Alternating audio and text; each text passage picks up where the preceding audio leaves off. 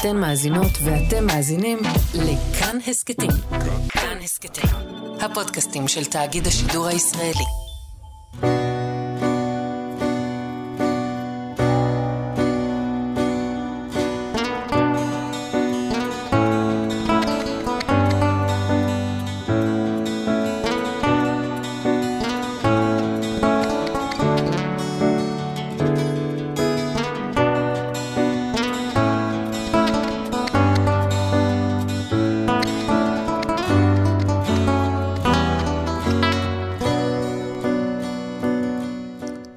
שלום, אתם מאזינים להסכת שניים עם אשכול נבו. בפרק הזה נדבר עם דני סירקין, במאי הסדרה טהרן, על היצירה של הסדרה ועל למה הוא התאהב באיראן תוך כדי העבודה.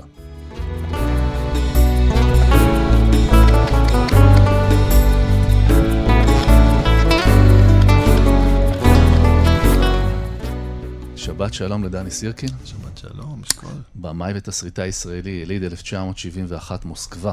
הובא לארץ בגיל שנה, היה קצין מודיעין ביחידת 8200. השתחרר בדרגת סרן והלך ללמוד קולנוע. בתיק העבודות המרשים שלו אפשר למצוא את הסרטים למראית עין, חלום של אידיוט וסדרות הטלוויזיה שוטטות, הכל דבש, המדרשה, סטוקהולם, תא גורדין וכמובן, טהרן, זוכת פרס האמי הבינלאומי שעליה נשחח היום. תשמע, חייב לפתוח בזה שהסדרה הפתיעה אותי. זאת אומרת, נכנסתי לצפייה עם איזה, עם איזה ציפייה, שמבוססת על איך סדרת ריגול אמורה להיות, והפתיע אותי בכל מיני מובנים. קודם כל, הדיוק במערכות היחסים.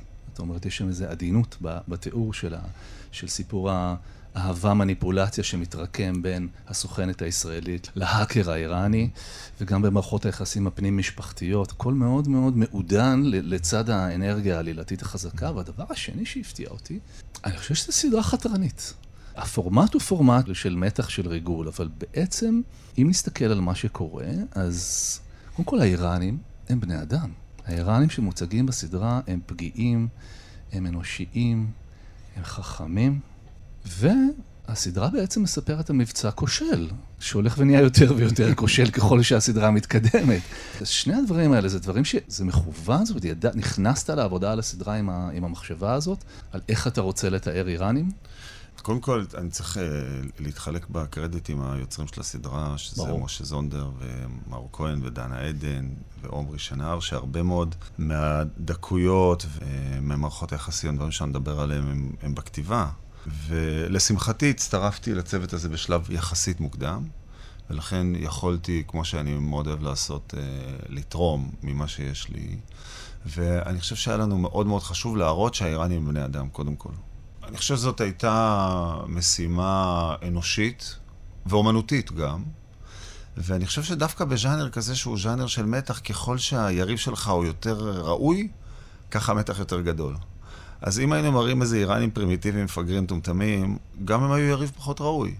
אז אני חושב שגם הרווחנו פה, אתה יודע, בשתי קומות. הקומה הראשונה היא הקומה העלילתית גרדה, פרז הוא יריב formidable, מה שנקרא, וכולל הקפדה על זה שהמחשב על השולחן שלו הוא המחשב הכי טוב. וכשהוא הולך לחדר חקירות, הוא לא יקרא מאיזה ניירות, אלא יהיה לו טאבלט. ואמצעים טכנולוגיים כן, של מעקב. כן, ואגב, איראן היא מעצמה טכנולוגית אזורית, ולא רק אזורית, והיא נותנת fight מאוד גדול לישראל, כמו שאנחנו יודעים כל הזמן. נראה בינתיים שבמלחמת הצללים הזאת אולי ישראל מנצחת, אבל אה, יש ל... לא ל... תמיד. לא תמיד, ולאיראנים יש נקודות. הם כן אויב, המשטר באיראן בוודאי אויב שלנו, אויב מר. אבל הוא אויב אה, ראוי, בוא נגיד. והעם האיראני, אחרי כל מה שלמדתי וכל מה שעברתי בסדרה הזאת, הוא עם נהדר, שהתאהבתי בו. אתה באמת למדת פרסית? זאת אומרת, זה כתוב פה בתחקיר. כן. ממש? תראה, בגלל ש... שיעורים פרטיים כאלה? כן. הדבר הראשון שהחלטתי שצריך לעשות, זה לקחת את עצמי ואת ניב סולטן למורה לפרסית.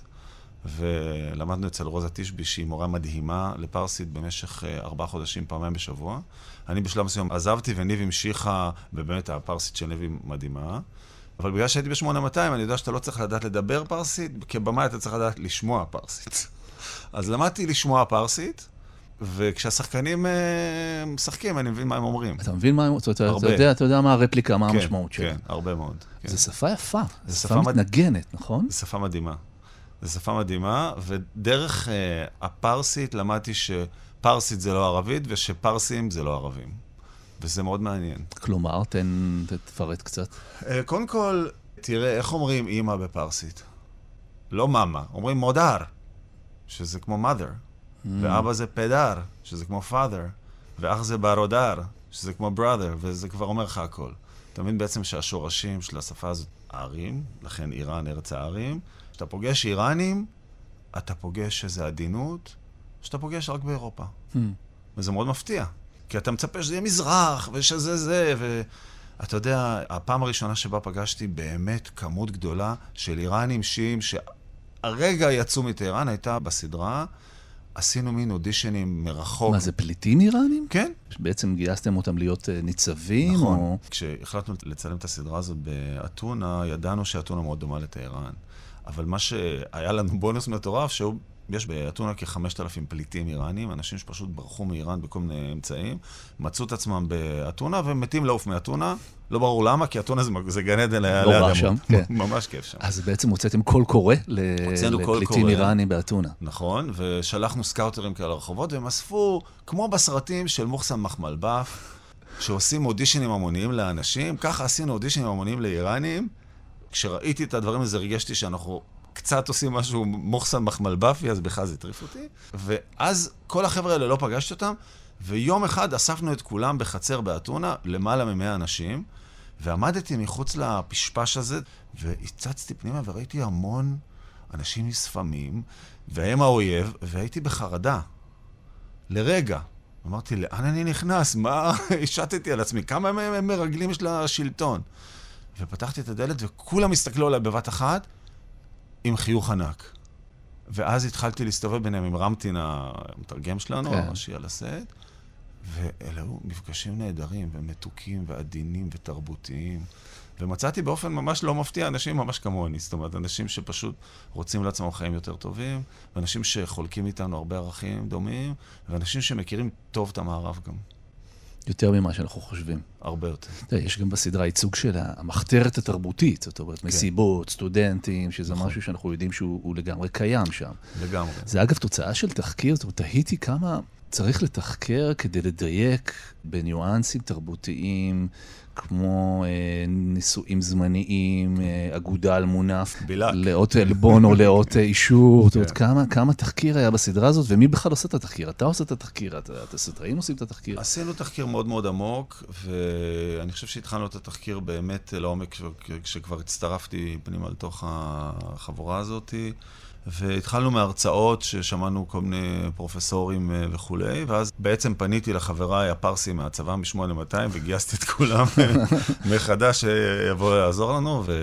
ונתי טוביאן אה, בראשם, ורמטין פורטי, והתחלנו לדבר עם האנשים האלה, והם הכירו לנו עוד אנשים, ורוזה המורה לפרסית, וכל אחד מספר לך עוד סיפור ועוד סיפור ועוד סיפור, ואתה רושם את זה. היה ו... גם ריאליטי צ'ק של אחרי, זאת אומרת של, אוקיי, זה כבר תסריטים מוכנים.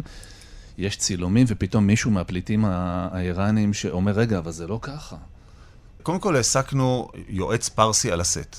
בחור מדהים שקוראים לו רמטין פורטי, בן אדם סופר אה, אינטליגנטי, שישב לידי כל הזמן, ושיגע את השכל לכולם, והטריף את כולם. ממש ליד עמדת הבמאי ככה? ממש ישב עמדת הבמאי, עם אוזניות פה לידי, ככה לידי. א', כדי, אמנם אני שומע פרסית, אבל לא מבין עד הסוף הכל, ורמטין מבין הכל ויכול לדייק ולהגיד אם אמרת טוב, לא אמרת טוב.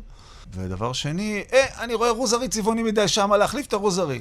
רוזרי, אגב, רוזרי? רוזרי, מה שאנחנו חושבים שנקרא חיג'אב, בעצם המטפחת הזאת שנשים איראניות שמות, נקרא רוזרי. יש גבול לכמה יכולה להיות צבעונית. נכון, נכון. אגב, צילמנו עכשיו את העונה השנייה, ובינתיים התעדכנו, ואיראן, לפחות כל מה שקשור לגינונים חיצוניים של לבוש, קעקועים, מאוד התרככה.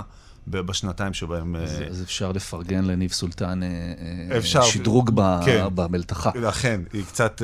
למשל, דבר שהיה אסור לחלוטין זה קעקועים, ועכשיו הבנו שהוא מותר כבר להראות קעקועים בטהרן. יכולים עדיין לעשות חוויות, אבל זה יותר נפוץ, אז כבר הרשינו לעצמנו ניצבים מקועקעים, למשל. אבל אנחנו כל הזמן מנסים להיות עם יד על הדופק כדי להיות סופר אמיתיים.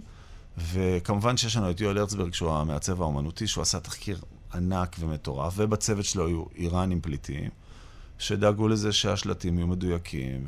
אתה קיבלתם תגובות מתוך איראן ממש? בוודאי. שכאילו מסתכלים, רואים את הסדרה, כן. יש להם מה להגיד? בוודאי, קיבלנו המון תגובות מאיראן, בעיקר באינסטגרם אני מקבל. יש לי... תראה, עד הסדרה לא, בכלל לא יודעת שיש לי אינסטגרם, היום יש לי אלף עוקבים, זה לא ככה הרבה, 800 מהם איראנים. ויש להם מה להגיד. יש להם מה להגיד, כן. מה אומרים? כמעט כמעט כל התגובות הן חיוביות וממש uh, מרגשות.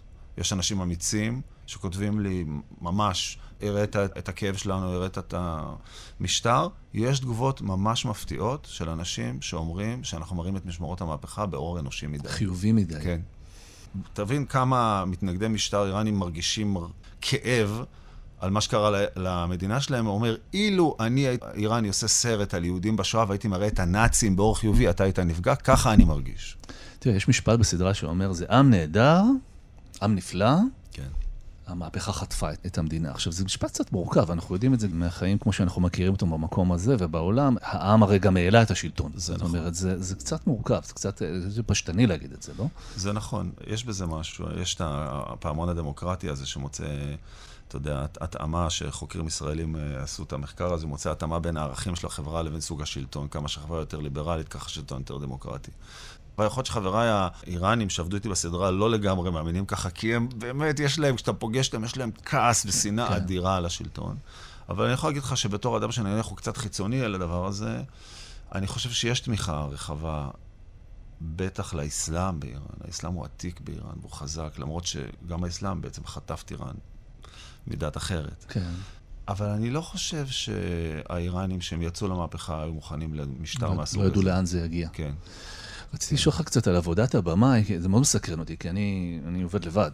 אני עם הדמויות שלי, וזה, כן, כן. ואני הטורן והסאונדמן, כן, כן. ואתה עובד בתוך צוות. נכון. וחשבתי תוך כדי צפייה בסדרה, זו סדרה ש, שעוסקת הרבה במניפולציות, זאת אומרת, mm-hmm. גם ניב סולטן עושה מניפולציות על סיק בוי, וגם... כולם בעצם עושים מניפולציות על כולם. זה המנוע העלילתי.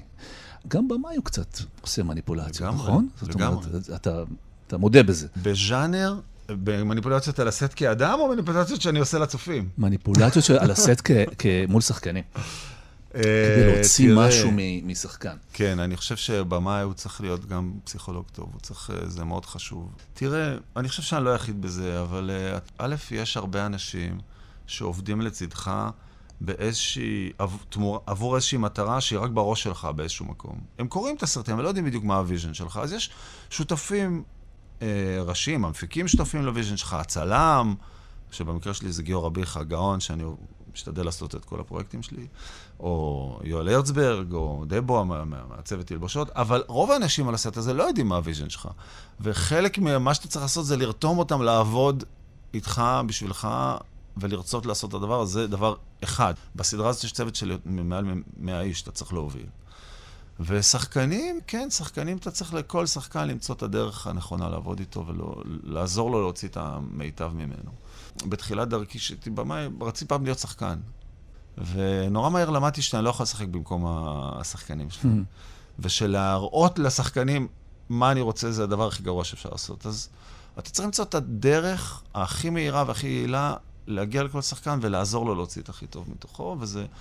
לרוב זה בטוב, אבל אני יכול להגיד לך שלפעמים אתה צריך להיות נוקשה. ממש, נוקשה, ממש, ממש ככה, נוקשה. מה, מה זה אומר נוקשה? אתה יכול לתת דוגמה בלי לא. ככה להיכנס? אתה לא יכול לתת דוגמה.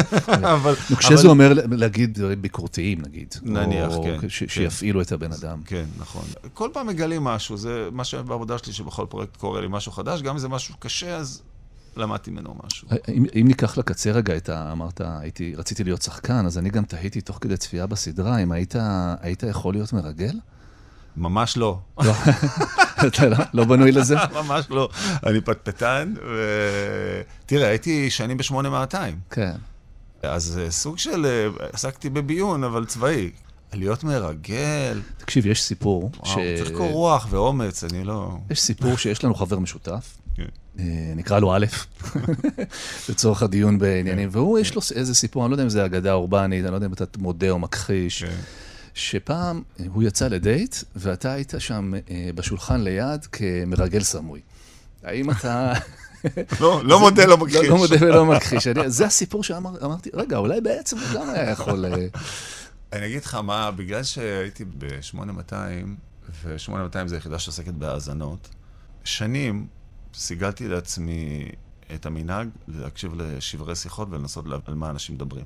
באוטובוס, בחיים. זה מין תחביב כזה ש... אני גם עושה את זה, אגב. כן. אני, הרבה אנשים עושים את זה, אבל, אבל כשאתה עושה את זה, עשיתי את זה כמעט שבע שנים בצורה מקצועית, זאת אומרת, אני מקצוען ב- בלהאזין ולהבין מה זה אומר, אז לא נגבלתי מזה. במובן הזה אני אוהב, בכל מקום שאני יושב, אני ישר מתחיל. ואתה סופר, זה מה שזה גם העבודה שלך. אז... אה, זה קצת מאכזב לגלות שרוב הזמן אנשים מדברים על נדל"ן, לא? אתה לא איפה אתה יושב. אני חושב כאילו שאתה מצפה למשהו יותר רגשי. בישראל כנראה זה הדבר ש... כן, זה הדבר ש... נכון, כן, זה נכון. נדל"ן או כל מיני חומרי ניקוי או כל מיני דברים כאלה. איך זה היה לקבל את, ה, את פרס האמי? זה, זה עושה משהו? זאת אומרת, זה מעבר לטקסיות, ואוקיי, ומטיסים, וזה, וטקס, ופרס. אני מדבר דווקא על נפש האומן. זאת אומרת, האם תמיד זקוקים לאישור הזה? האם יש איזה אישור שאחריו אתה מגיע, שאתה מקבל אותו, אתה אומר, אוקיי, הגעתי. הגעתי, ומכאן והלאה, אני נהנה, אני נשאל אה, אחורה. תשמע, פרס האמי, הייתי ביום צילום באתונה. ודנה עדן, המפיקה, אמרה... של העונה השנייה. של העונה השנייה. אמרה, אנחנו נוסעים להחזיר את פרס האמי לסט. יצא ככה מהסט, ואני אמרתי לעצמי, על מה היא מדברת? ואז לקחו אותנו בלימוזינה, שמו אותנו במטוס, הטיסו אותנו לניו יורק, הגענו לטקס, קיבלנו את האמי, ושמו אותי במטוס, רבע שעה אחרי זה בחזרה לסט. אז בזמן, בזמן שזה קרה לא הבנתי שום דבר, לא קלטתי שום דבר. זה הכל נראה לי כמו איזה חלום בטוקסידו, שהספקתי לתפור. אבל אחרי זה, למחרת, שפתאום פתחתי את העיתונים, ופתאום ראיתי, ודנה חזרה עם הפרס, ונגעתי בפרס, ואז ראיתי איך כל הצוות היווני, האיראני, עומדים בתור כדי להצטלם עם אמי, mm-hmm. אז פתאום מה שזה עשה לי משהו. ומאוד נהניתי, והבנתי שזה כנראה משהו משמעותי. וזה טוב ככה? זה טוב לקראת העונה השנייה? אה, זה רוח גבית, או, או שזה דווקא יש איזה מין חשש כזה? אני חושב שזה טוב, כן, זה, זה כיף לקבל פרסים. אתה ממש עכשיו עובד על העונה השנייה. כן. זה ממש, אני מניח שאתה לא יכול לדבר על זה יותר מדי. נכון. אבל אני עורך עכשיו את העונה השנייה, ואני נורא נהנה. אה, ממש בעריכה. זאת אומרת, כבר צולמה, אתה כבר נכון. בעצם יודע מה קורה ב... נכון, העונה השנייה צולמה, ואנחנו בעריכה. באתי לכאן, שאני עורך את הפרק האחרון. וואו. כן, זה מאוד מרגש. ואני אגיד לך משהו, אמי זה היה מין הדובדבן שלנו, כי אני חושב שכאילו בעצם התגמול הכי גדול שקיבלנו היה זה שאפל קנו את הסדרה. ואתה יודע, הם קנו את הסדרה אחרי שהם ראו שני פרקים בלבד. ואתה יודע, אני חייב להגיד לך שכבמה הרגשתי שדווקא כבמה יש לי המון בזה. כי לא קראו תסריטים, אלא ראו סדרה. אני חושב שהיום כשבמאים עושים סדרות שלמות שוב, אז uh, קרנו של הבמאי חוזרת לעלות בעולם. כי האמריקאים, השיטה שלהם היא שונה. במאי הוא, הוא hired gun, הוא בא לעשות פרק בסדרה, כן. והמעמד של הבמאים הידרדר שלא בצדק. אל מול הקולנוע. אבל בעצם אני חושב שהקולנוע חזר לטלוויזיה, ואני חושב שראוי שהמעמד שלנו יחזור, mm. להיות uh, כפי שהוא היה.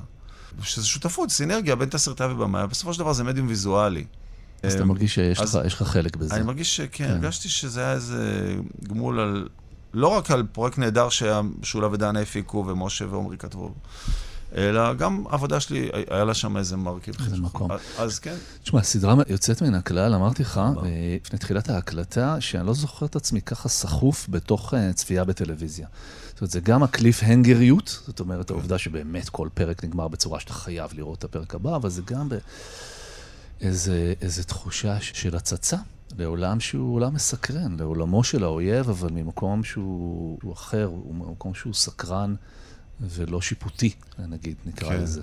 אני חושב שזה, ההצצה הזאת והסקרנות היא בדיוק הדבר שמשך אותי פנימה. הדבר הזה, מה זה איראן? מה זה הדבר הזה? טהרן, מה זה הדבר הזה? מה יש שם? רק מולות מסתובבים באייתולות? שגיליתי בכלל שהם נקראים מולות ולא אייתולות, אתה יודע. ונורא כיף. וגם, אתה יודע, יש שחקנים נהדרים. ניב סולטן שסוחב את כל זה על הגב שלה, ושון טוב, שהטסנו אותו מהוליווד, שהוא יהודי בכלל, קוראים לו טוביה. והוא משחק את? משחק את פרז, השיעי. הוא יהודי? בוודאי. תשמע, עכשיו אני לא יודע, הרסת לי את ה-suspension of disbelief, כאילו, אני לא, לא יודע אם אני יכול להמשיך לראות את הסדרה. הוא כל כך איראני. נכון. זה בעצם האיש, החוקר המודיעין. נכון. זאת אומרת, מי שבעצם מתמודדים מולו. נכון. ואת השחמט. זה, הוא משחק שחמט מול ראש המוסד הישראלי ומנצח נכון. בעונה הראשונה. נכון. ואני אגיד לך משהו. והוא יהודי. השחקן הוא יהודי. זה ממש משבר קשה. נכון, ולקראת ההכנות לעונה השנייה אני פגשתי את המקביל הישראלי שלו. ולא נגיד מי הוא ומה הוא ואיפה כן. הוא עובד. את אותו גימל, אחד, כן. את גימל, כן. נקרא לו גימל, כן. והוא ממש נהנה ממנו. וזה היה לי כל כך כיף לשמוע שהוא נהנה שהוא ממנו. נהנה מצורת החשיבה. נהנה מפרז. יש לנו ככה לקראת אה, סיום שאלון אה, מהיר. זה ממש אה, שאלה, שאלה ותשובה, בקצב פינג פונגי. איפה הבית השני שלך? איפה חוץ מבבית אתה מרגיש בבית? וואו, אני אגיד לך, אני עכשיו הייתי באתונה חצי שנה, וזו פעם ראשונה שגרתי, כאילו, מחוץ... אה, גרת באתונה חצי גרתי שנה. בעונה שנייה. ועכשיו, כשחזרתי לאתונה, הרגשתי שאני מכיר את העיר הזאת ממש טוב ואוהב אותה. לא אוהב אותה. כן. מה היית אם לא היית במאי? וואו, אני לא יודע. מר- הייתי- מרגל הבנו שלא. רצ... כשהייתי נער רציתי להיות אה, ארכיטקט או פסל או צייר, מאוד אהבתי לעשות את זה, כמו אבא שלי. זהו, אני, אני, אחת מהשאלות שרציתי לשאול אותך זה, מה, מה העצה הכי טובה שקיבלת מאבא שלך, האומן אה, לב סירקין, זיכרונו לברכה? הוא ממש לא רצה שאני אהיה אומן, אבל הוא אמר לי, אתה חייב ללכת עם הכישרונות שלך בחיים. אתה צריך לראות מה אתה טוב בו, וללכת עם מה שאתה טוב בו. אמר את זה כשהיית ילד כבר? כן. זאת אומרת, זו אמירה ש... כן, כן, הוא אומר, זה מאוד חשוב לעשות. והוא אומר, אתה, לצערי, אתה, יש לך נטיות אומנותיות, הייתי מאוד מקווה שאתה תלמד ביולוגיה, או שתהיה שרברב בשיא הרצינות, הוא אמר לי את זה. כי תמיד אנשים אה, צריכים ללכת לשירותים, ואתה יכול להיות אומן בש, בשעות, בשעות הפנאי. אבל הוא אומר, אבל כדאי שתלך אחרי מה שהלב שלך אומר ומה שאתה טוב בו. ו- ומי שרוצה ככה ללמוד יותר עליו, אז, אה, אז חלומו של אידיוט, אה, כן. נכון? סרט דוקומנטרי. כן, שעשיתי עם עידו בת, חברי הטוב. באיזה סרט אתה מסוגל לצפות שוב ושוב ושוב? או סדרה. אני יכול לראות אה, מולהולנד דרייב של אה, דויד לינץ' 40 פעם. That, that makes two of us. כי אולי בפעם 40 גם נבין אותו.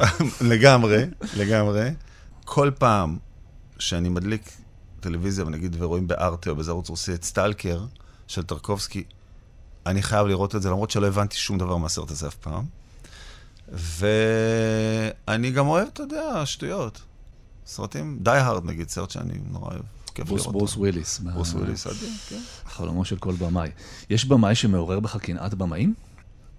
יש במאים שאני ממש ממש ממש מעריך אותם ומעריץ אותם. לא מרגיש קנאת במאים, אבל נגיד, אני אוהב את לינץ' ואת איסטווד, אבל נגיד מישהו שהוא אדיר, יש במאי שקוראים לו גור ורבינסקי, שהוא פשוט מקצוען.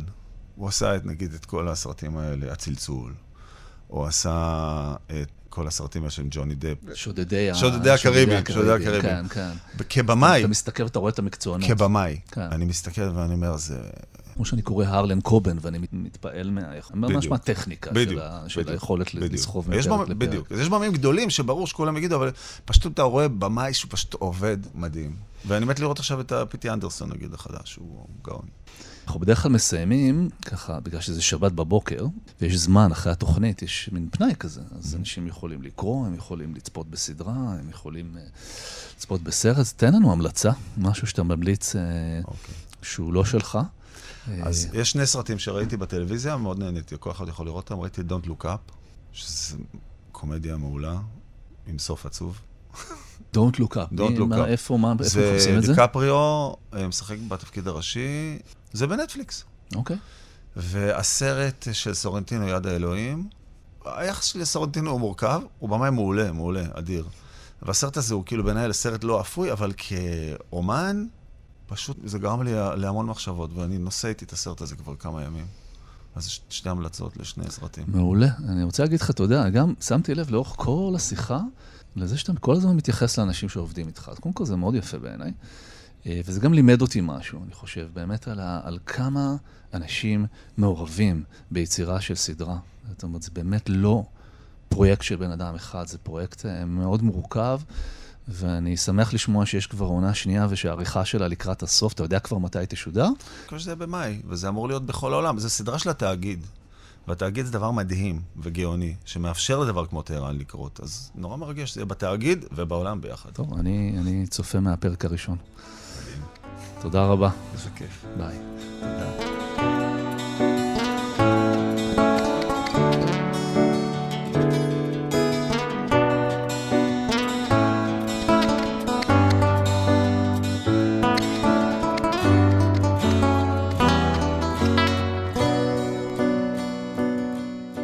תרצו לשמוע עוד על מה שקורה בתוך איראן, מנקודת מבטו של מי שגדל בה עד גיל 14 וזוכר היטב את ילדותו, אתם מוזמנים להאזין לפרק עם נתי דוביאן.